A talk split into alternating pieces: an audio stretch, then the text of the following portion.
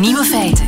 Dag en welkom bij de podcast van Nieuwe Feiten van 10 mei 2021. In het nieuws vandaag toch die spectaculaire politieactie van het weekend in Utrecht. Politie brengt er zelf verslag van uit, zo gaat dat tegenwoordig, op Instagram. Ik lees even het verslag voor, letterlijk zoals het er staat.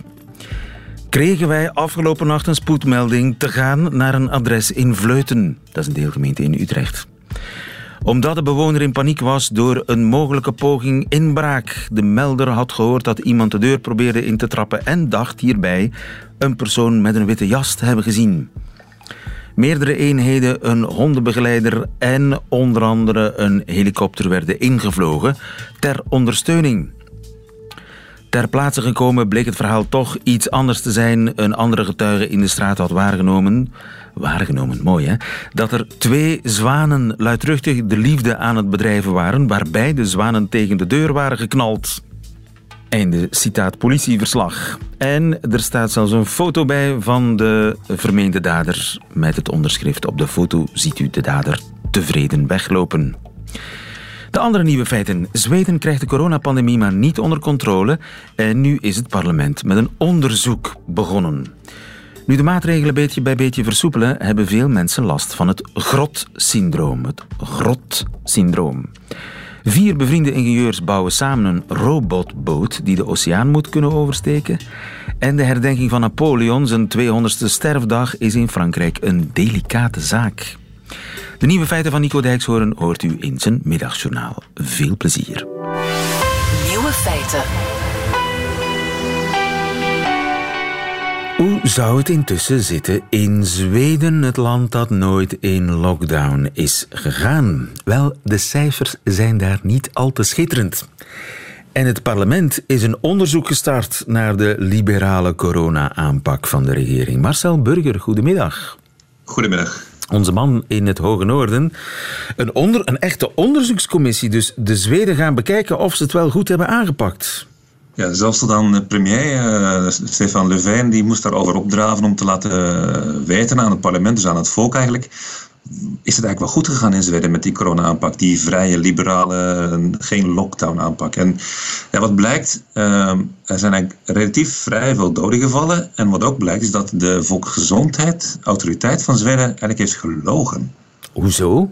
Wat hebben zij uh, anders verteld dan de waarheid?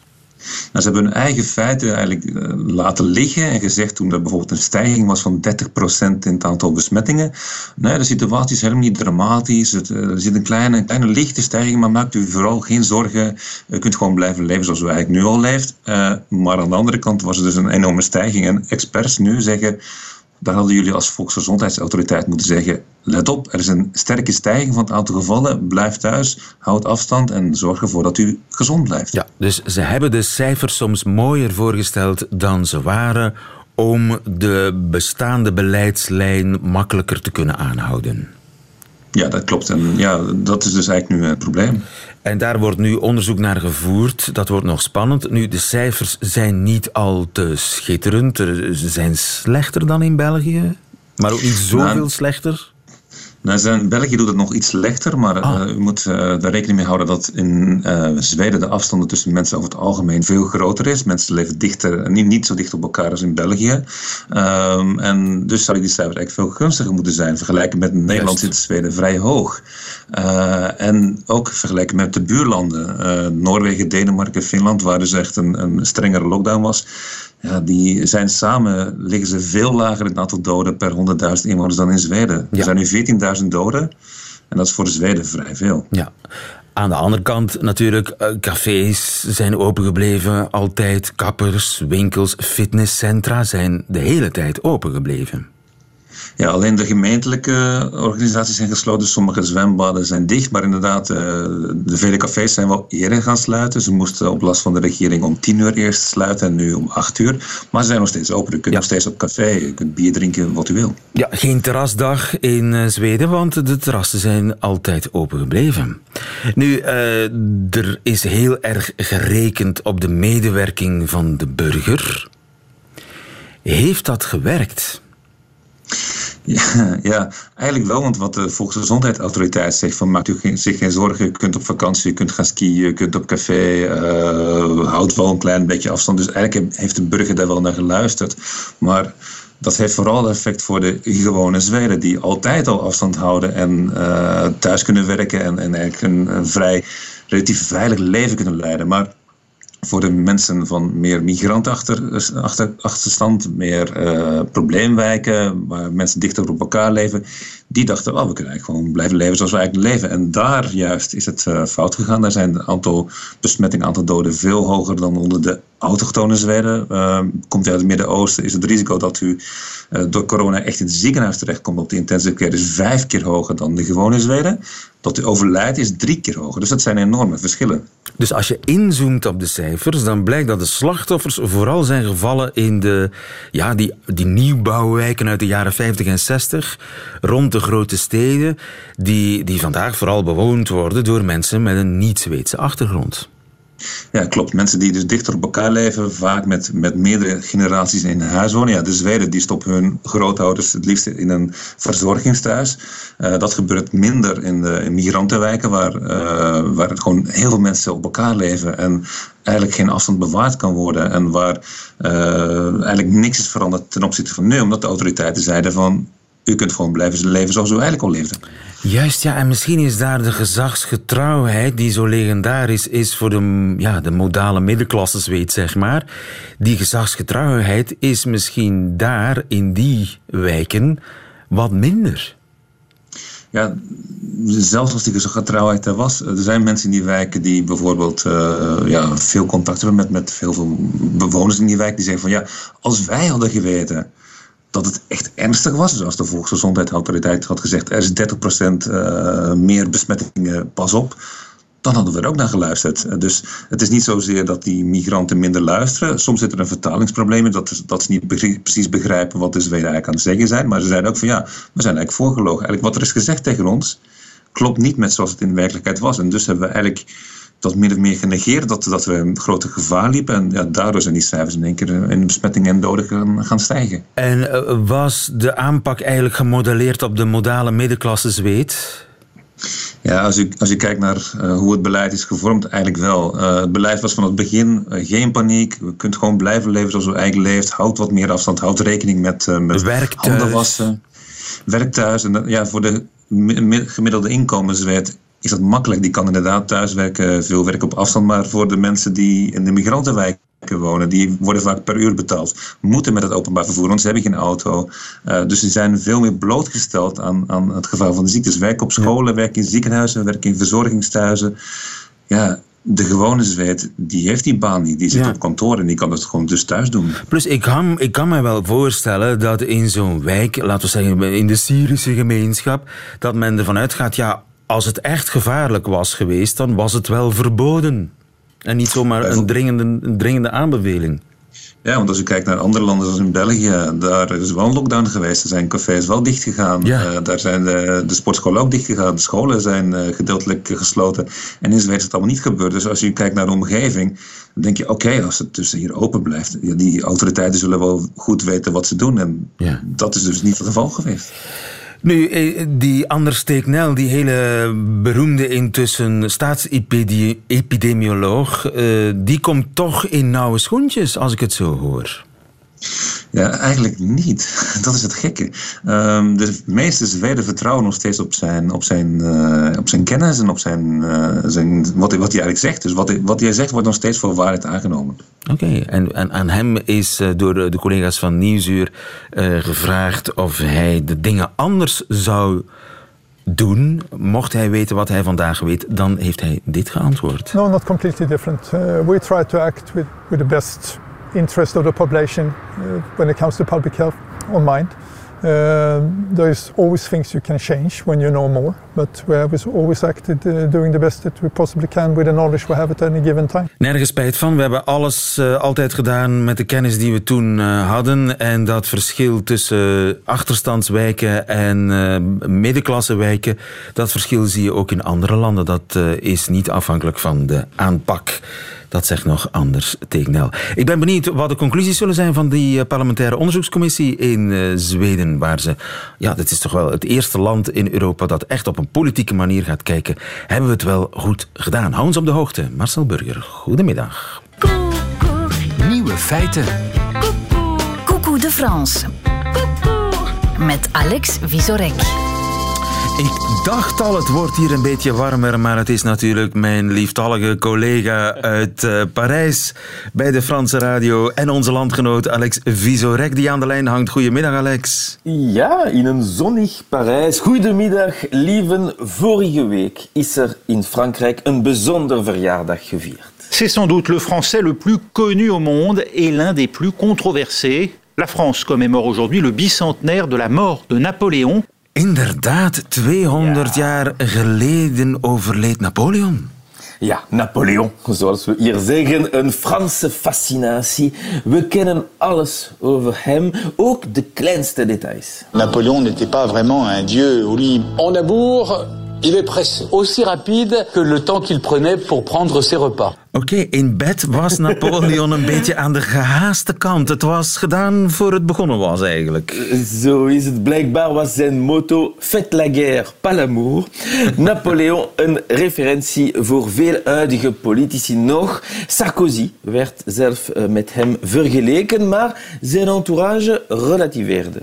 Moi, je trouve qu'il n'y a aucune comparaison possible. Aucune. Vraiment aucune comparaison. À part la taille. Mais la différence, c'est que Napoléon montait, était souvent monté à cheval. dus eigenlijk, zegt deze fan van Sarkozy, ja. hadden ze niks gemeen, behalve misschien hun lengte. Maar ja, Napoleon zat op een paard, hè? Ja, lang was het not done om te lachen met Napoleon. Comedian Jean-Jan werd in de jaren 60 verzocht zich te excuseren na een sketch waarin hij de oorlogen van Napoleon beschreef als een wielerkoers en waarin hij zich in Napoleon op een fiets verkleedt. Vergelijk maar met hoe Charlie Hebdo, de satirische tijdschrift, de herdenking bracht deze week. On a Charlie Hebdo qui soupire en une de son numéro d'aujourd'hui. Encore un militaire à la retraite qui vient nous faire chier. Ambiance, hein, vous voyez Napoleon, nog een militair op pensioen die ons te grazen neemt. Ja, dat is het. Tijden zijn veranderd. In de jaren 60 betekende de verjaardag van zijn overlijden een groot feest. Aux invalides, pour le jour anniversaire de la mort de Napoléon, ils se sont inclinés au rythme des tambours de l'épopée sur le tombeau de marbre rouge où repose cet homme qui, selon une parole célèbre, donna tant de gloire à la France. Oei, ik spring hier bijna in de houding. ja, met veel tamtam, militaire parade en ook lovende speeches van president Georges Pompidou voor de man die zoveel glorie bracht aan Frankrijk. Maar in 2021 is de toon anders. Luister maar naar dit interview van de minister van Gelijke Kansen. Pour ou contre Elisabeth Moreno la, célébra la célébration du bicentenaire de la mort de Napoléon? Pourquoi ça vous fait rire? Ça vous fait rire, mais c'est parce que, parce que le sujet est délicat. Ja, ze moet lachen omdat ja. het een gevoelig onderwerp is. Eh, ja, het evenement zou dit jaar niet gepaard gaan met militaire parades en vuurwerk, maar met één vraag commémorer ou célébrer. Moeten wij Napoleon vieren of herdenken of niet? Op de ene kant heeft Napoleon een vrij bescheiden erfenis nagelaten. Sénat, Conseil d'État, Banque de France, Corps préfectoral, lycée, Code civil, Franc, Arc de Triomphe, Université, Bourse de Paris, Cour des comptes, BAC, Code pénal, Colotte Vendôme, je vais m'étouffer. Hein. Ja, en dan hebben we nog niet alles gehad. Allemaal, nee. uh, ja, we hebben het allemaal aan Napoleon te danken. De Senaat, de Banque de France, het Lyceum, de, de, de Code civil, noem maar op. De Frank, Arc de Triomphe, ja. universiteiten, de beurs. Ja, en nog familienamen, rechtsrijden, dat is ook Napoleon. Hij heeft gewoon een grote deel van onze huidige maatschappij bepaald, maar hij is ook de keizer, de oorlogsleider die miljoenen leven, levens eiste en die ook slavernij opnieuw ingevoerd heeft. Zeker geen filantroop en dat bevestigt deze historicus uit de jaren 60. Et le 27 juin 1813, devant Metternich, il a dit Un homme comme moi se fout de la vie d'un million de, et il n'a pas dit ah. Il a dit un mot extrêmement bref qui ne peut pas trouver place sur le petit écran. Ja, Napoleon zou iets gezegd hebben van een man zoals ik, die geeft niet om het leven van een paar miljoen. En hij zei niet mensen, maar een woord dat deze meneer niet op de televisie wou zeggen. Maar op radio mag ik het zeggen, d'un million de con was het idioten uh, dus. Daarom ligt hij altijd gevoelig als het over Napoleon gaat. Uh, de voorzitter van l'Assemblée nationale noemde hem deze week de keizer van de historische complexiteit. Wat zou dus Emmanuel Macron doen? Hij wilde sowieso niet rester les mains dans les poches, met de handen in de zakken blijven zitten, of met de hand in het jasje, als we dan toch over Napoleon bezig zijn. Dus célébrer ou commémorer, je kan altijd op Emmanuel Macron rekenen om een mooie formulering te vinden. Nous sommes rassemblés ce jour.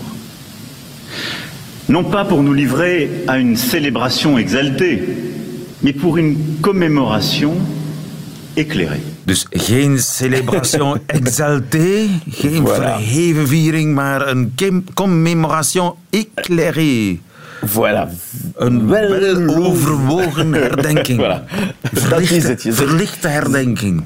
Ja, dat heeft hij dus gezegd in een speech in l'Institut de France voor een sobere ceremonie bij het graf van Napoleon in de Dome van Les Invalides. Voor sommigen was het te veel en eh, kan het niet dat Macron vorige week woensdag Napoleon vierde en vandaag, vijf dagen later, de afschaffing van de slaverij herdenkt. Anderen vin- vinden het belachelijk te weinig. En ik denk vooral aan Marine Le Pen. Maar Macron wilde ook graag zijn plaats in de geschiedenis hebben door een bescheiden viering te kunnen organiseren waar de mooiste kanten van Bonaparte de slechtste kanten van Napoleon niet verstoppen.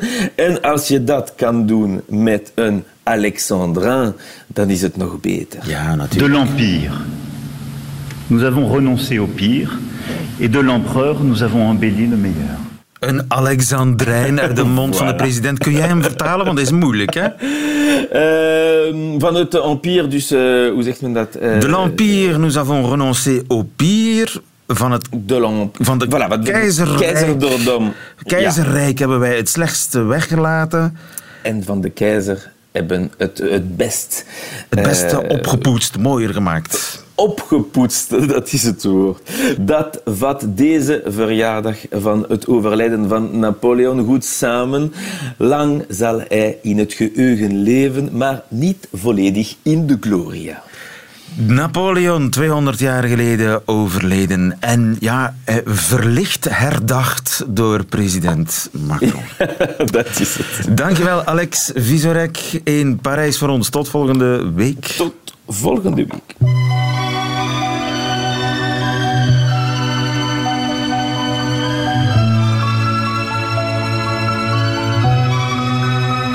Nieuwe feiten. Ik ga een bekentenis doen. Ik ben dit weekend geen terrasje gaan doen. Vage angst, ik weet het niet. Of, dat zou natuurlijk ook kunnen, heb ik last van het grot-syndroom. Want dat schijnt te bestaan. Ines Germijs, goedemiddag.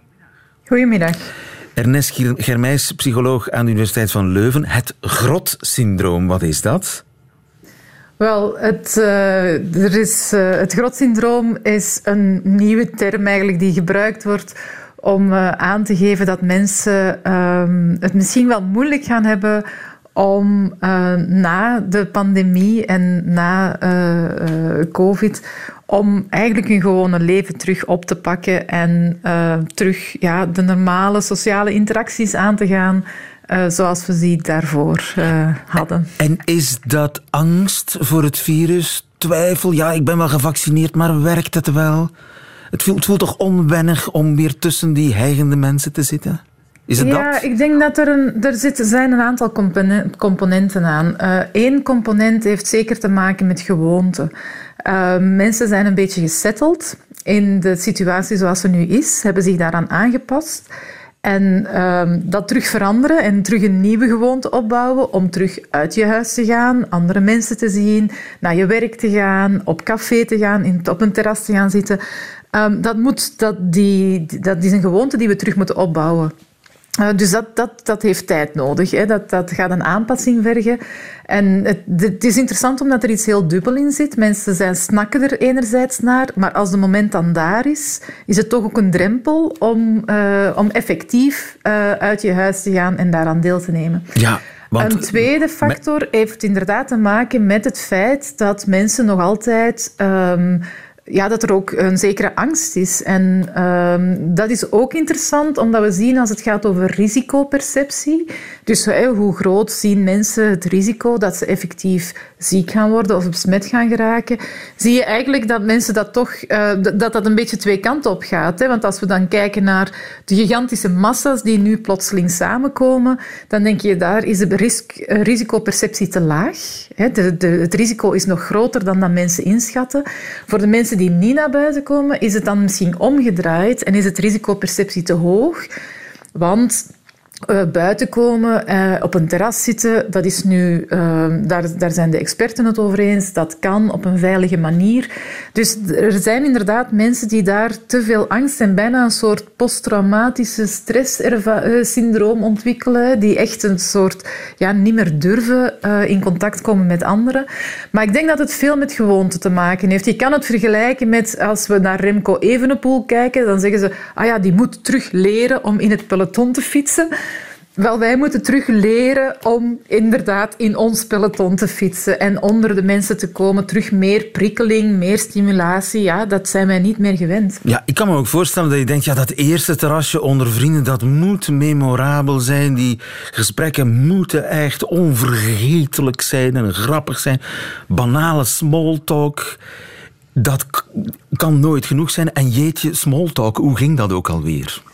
Wel, ik denk vooral het tweede eigenlijk. Want uh, ja, misschien legt u hele hoge eisen op aan uzelf over uw sociale contacten. Uh, maar ik denk vooral, uh, we zijn het niet meer gewend om zo die small talk aan te gaan. En ik denk dus dat er meer een soort drempel daar zit van hoe moeten we dat nu weer doen? En ah ja, dan moeten we, moeten we dan afspreken. Zo, ja. Dingen waar je gewoon al heel lang niet meer mee bezig was. Mensen hebben zich zo wat teruggetrokken in hun huis. Moest ook, hè, hielden zich aan de regels. Um, en daar terug uit geraken, het is interessant om daarover na te denken dat dat niet een vanzelfsprekendheid gaat zijn, maar dat dat tijd gaat kosten en dat ja, sommige mensen misschien daar ook wel een duwtje in de rug voor moeten krijgen om dat terug te doen. En het zal vanzelf wel overgaan. Ja, het zal voor, niet voor iedereen. Dus dat is iets waar we moeten aandacht voor hebben voor mensen die echt met die angst blijven zitten. Dat daar, uh, dat, die gaan daar hulp voor nodig hebben. Maar het is ook wel belangrijk om te kijken, bijvoorbeeld als we naar het, het onderwijs kijken, of het hoger onderwijs bijvoorbeeld, om daar niet, meer, niet zomaar vanzelfsprekend van uit te gaan van ja, nu gooien we de deuren terug open en dan is alles terug normaal. Nee, dat ook bijvoorbeeld studenten ja, we een duwtje in de rug gaan nodig hebben ah, en aangemoedigd gaan worden om terug actief op de campus aan dat campusleven of studentenleven deel te nemen. Um, dus het is wel een aandachtspunt. Het is niet iets dat zomaar vanzelf gaat oplossen. Want dus op dat grotsyndroom, daar staat geen leeftijd op. Want ik zit natuurlijk spontaan in mijn achterhoofd met ja, mensen van een zekere leeftijd die zich nu eenmaal ingegraven hebben en daar uh, ja, hun draai in hebben gevonden in uh, hun afzondering en in hun grot, zeg maar. Maar het geldt ook voor jonge mensen, dat grotsyndroom. Het, dat geldt zeker ook voor jonge mensen. En uh, je mag niet vergeten dat uh, er bijvoorbeeld ja, de, de, de, de, de jongvolwassenheid, adolescenten, het moment dat mensen gaan studeren, of, dat is echt een tijd dat er heel veel gebeurt en dat er heel veel uh, ja, het sociaal netwerk wordt uitgebreid, hè, dat je nieuwe vrienden maakt, nieuwe mensen leert kennen. Dat is helemaal stilgevallen. Dat is dit jaar eigenlijk bijna niet gebeurd. Um, en daar moeten we dus wel actief aan gaan werken om, om die jonge mensen daarin te begeleiden en kansen geven om dat terug op te pakken. Um, want het is niet eenvoudig. En je ziet effectief dat veel studenten die op kot zaten, dat die bijvoorbeeld terug thuis zijn. Ehm, terug onder het, uh, in het veilige nest. Ehm, maar die moeten daar natuurlijk terug uitkomen. Die moeten hun sociaal netwerk terug opbouwen. Die moet... En daar gaan we wel aandacht voor moeten hebben om te zorgen dat dat ook effectief gebeurt. Het is een tijd dat jonge mensen moeten eigenlijk nog veel sociale vaardigheden opbouwen. En om dat te kunnen doen, hebben ze andere mensen nodig. Dat heeft nu allemaal stilgestaan. Dus daar gaan we actief aan moeten gaan werken om te zorgen dat mensen dat kunnen gaan inhalen en opnieuw aan kunnen beginnen werken. Juist, ja, zij moeten inhalen en wij moeten gewoon ja, de oude gewoonte heropfrissen. Zij moeten het echt nog opnieuw. Zij hebben echt achterstand opgelopen, de 14-jarigen, zeg maar. De 14, 16-jarigen. 14, 15, maar je mag dat echt ook doortrekken. Ook 18, 19, 20-jarigen. Dat is echt een tijd waarin heel veel gebeurt op sociaal vlak. Um, dat is de tijd dat, dat, uh, dat begint inderdaad vanaf uh, 12, 13, 14 jaar. Langzaam loskomen van thuis, vrienden worden belangrijker. Maar dan is dat ook een, ja, je eigen netwerk uitbouwen, relaties aangaan, liefdesrelaties, vriendschapsrelaties.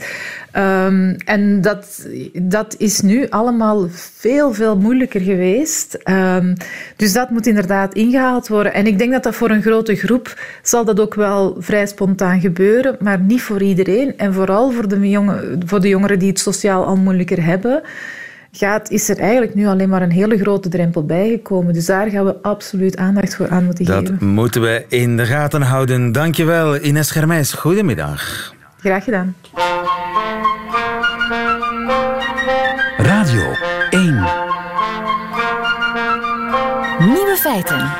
De zelfrijdende auto die is in de maak, dat weten we. Maar hoe zit het eigenlijk met de zelfvarende boot? Pieter-Jan Noten, goedemiddag. Goedemiddag. Pieter-Jan, het schijnt ben jij die aan het bouwen? Dat klopt, dat klopt. Uh, wij zijn een van de uh, een aantal initiatieven bezig met autonome boten. En specifiek voor ons gaat het over een, uh, een Atlantische oversteek met een autonome boot om oceaandata en atmosferische data te verzamelen. Jullie gaan een boot bouwen die vanzelf, zonder schipper, de Atlantische Oceaan kan oversteken. Hoe kwamen jullie op dat idee? Um, dat idee is ontstaan tijdens uh, ja, studiejaren in Engeland. Uh, daar heb ik een, uh, een goede kameraad ontmoet die eigenlijk een gelijkaardige poging vanuit Amerika heeft ondernomen. En ze zijn helaas na een aantal pogingen halverwege de oceaan gestrand. En eigenlijk heeft dat mij wel getriggerd en ehm, ja, ertoe geleid om samen met een aantal vrienden een project op te zetten om het te te realiseren om de boot aan de overkant te krijgen. Vrienden, knutselaars, ingenieurs, zal ik maar zeggen. Het is dus echt een hobbyproject. Ja, het is een volledig privéproject. Uh, maar het is eigenlijk wel iets verder gegaan ondertussen dan een hobbyproject. Uh, we hebben ondertussen een zeventiental sponsors waaronder ook een aantal grote namen. Uh, ik kan ze niet allemaal helaas opnoemen. Nee, nee, nee, liever maar... niet. Maar goed, er zijn, belangrijk, er zijn belangrijke sponsors. Jullie, en bouwen jullie een badkuip om of een bestaand schip? Nee, wij, wij zijn zelf gestart met een ontwerp te maken en hebben dat uh, ontwerp ook zelf gerealiseerd, dus zelf gebouwd, om eigenlijk volledige vrijheid te hebben over het bootje. Ja, en hoe groot is het bootje? Uh, het bootje is ongeveer 4 meter lang. Dus dat is niet groot. Ga je daarmee de Atlantische Oceaan oversteken? Ja, dat klopt. Dat klopt. Dus het bootje is eigenlijk voorzien om in die oceaanomgeving om, uh, te kunnen werken en eigenlijk ook het, uh, de elementen te trotseren. Uh, en hebben jullie al proefvaarten gehad? Wij hebben al proefvaarten gehad, ja. Het is eigenlijk ook dit jaar een tweede poging. Oei. dus in 2019 hebben we een eerste poging gedaan. Dat was eigenlijk een heel goede les ook wel. Um, hebben de boot overgestuurd vanuit Frankrijk. En die is dan een heel zware storm tegengekomen. Uh, zijn we de boot helaas ook moeten gaan halen, gaan redden. En ondertussen hebben we de nodige aanpassingen uh, aangebracht. Wat, wat was misgegaan? Was hij gekapseist? Die is een aantal keren gekapseist en die is een aantal keer ook teruggekomen. Uh, maar dat is normaal in een grote storm. En uh, nu hebben we eigenlijk ervoor gezorgd dat hij niet meer op zijn kop kan blijven liggen. Um, dat, dat, lijkt iets heel triviaal, maar dat was niet zo, niet zo eenvoudig. Um, en we hebben verder ook ja, de, uh, de elektronica gerobustificeerd, om het zo te ja. zeggen. Robuuster gemaakt tegen allerlei verstoringen. En, uh, ja, wat is het moeilijkste eigenlijk? Want ja, ik, ik, neem aan een auto in het helse verkeer van vandaag te laten navigeren. Dat lijkt mij een krachttoer zonder chauffeur. In vergelijking daarmee, ja, met mijn boerenverstand, denk ik, is bootje laten varen een stuk makkelijker. Er is minder verkeer hè, dan op het Meizerplein. er is inderdaad minder verkeer, dat klopt, dat klopt. Maar de huidige wagens die kunnen dat ook uh, de drukte van een stadcentrum nog niet aan. Um, dus dat is misschien om perspectief te plaatsen. En op de oceaan klopt het. Uh, heb je daar een aantal grote shipping lanes, een beetje snelwegen. En dat is waar dat wij eigenlijk een beetje op hetzelfde niveau staan nu als, als de zelfrijdende wagens. Die moeten op de snelweg, kunnen die al deel autonoom rijden. Um, en dat zijn we eigenlijk ook uh, op de oceaan aan het doen. Ja. Nu, is de industrie daar niet mee bezig? Die, die zijn daar ook zeker mee bezig. Um, zelf zijn we, is dit ook een hobbyproject. Zijn we ook aan het denken naar verdere commercialisatie. Um, en dan zou dan meer inshore gaan, ook met meer uh, dense traffic, of, of ja, inshore-offshore is het eigenlijk met meer uh, verkeer om daarmee te kunnen omgaan. Ja, want de industrie, neem ik aan, is ook wel geïnteresseerd om boten uh, autonoom te laten varen. Want dat is toch een kostenbesparing, of zie ik dat verkeerd? Nee, dat klopt. Dat klopt. Een beetje hetzelfde als in de automobielsector. Uh, mensen die dan niet meer moeten rijden, kunnen andere taken vervullen. En een beetje hetzelfde met de maritieme sector. Hè. Daar is ook een kostenbesparend effect. En dat mensen andere taken, uh, waar dat ja, uh, de menselijke intelligentie beter geschikt is dan de repetitieve taken. Ja, dus ook de, de industrie is hiermee bezig. En wat is eigenlijk jullie doel? Waar, waar waar doen jullie is het? Of is het alleen maar de technische kick van kijk, wij zijn erin geslaagd om een bootje van 4 meter autonoom als een robot de Atlantische Oceaan over te sturen? Dat, dat, klopt voor een groot deel voor het privéproject. Dus project MAGI uh, is het grote doel eigenlijk om die technologische kennis in te zetten om zo'n challenge uh, aan te durven en uit te voeren. Maar de volgende stappen zijn natuurlijk meer, meer richting commercialisatie. Um, en daar gaat het dan voor uh, over om eigenlijk ja, ook die data binnen bepaalde sectoren zoals wind, uh, windparken te gaan opmeten. Um, en dan eigenlijk daar ja, een, een, service te kunnen bieden naar de operatoren. Oké, dus dat, dat je op die manier van die robotbootjes kunt maken die allerlei metingen kunnen gaan doen voor de wetenschap. Um, niet alleen voor de wetenschap, maar ook gewoon voor het uh, opereren van een uh, windmolenpark. Je moet bijvoorbeeld weten of dat de kabels ongeschonden zijn die de elektriciteit van offshore naar de kust toe brengen.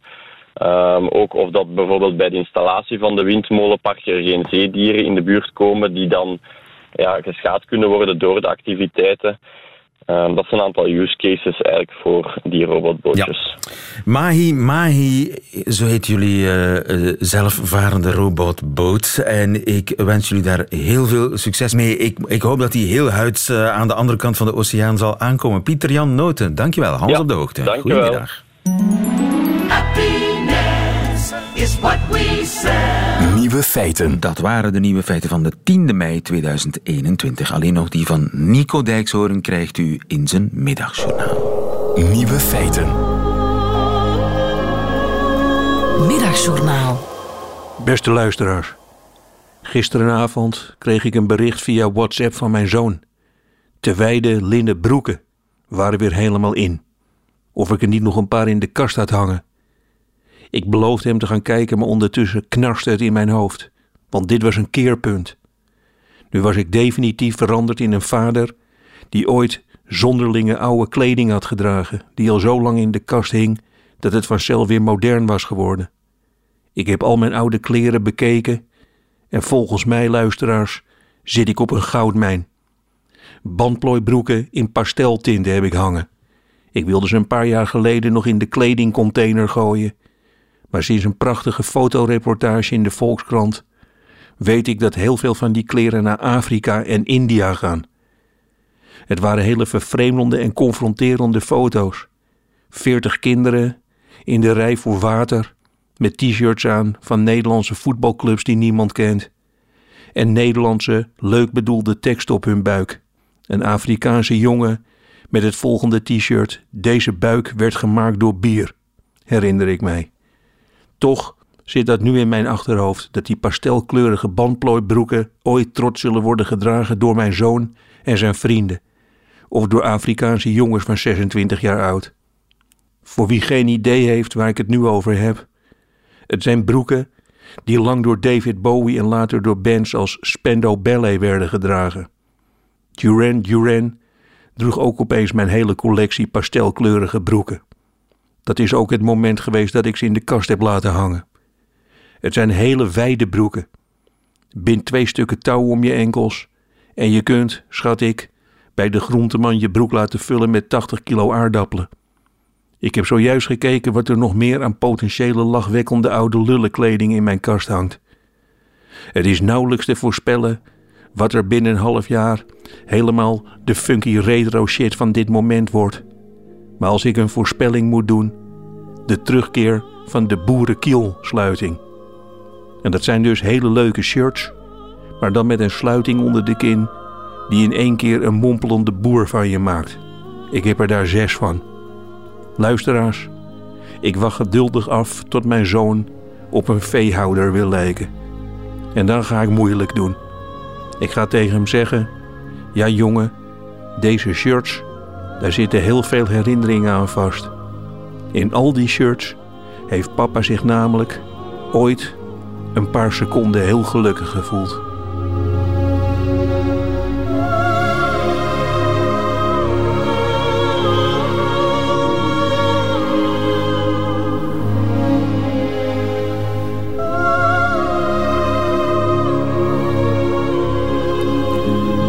Middagjournaal met Nico Dijkshoorn. Einde van deze podcast. Hoort u liever de volledige uitzending van Nieuwe Feiten met de muziek erbij? Dat kan via radio1.be of via de Radio 1 app. Daar vindt u overigens nog veel meer spannende Radio 1 podcasts. Tot de volgende pot.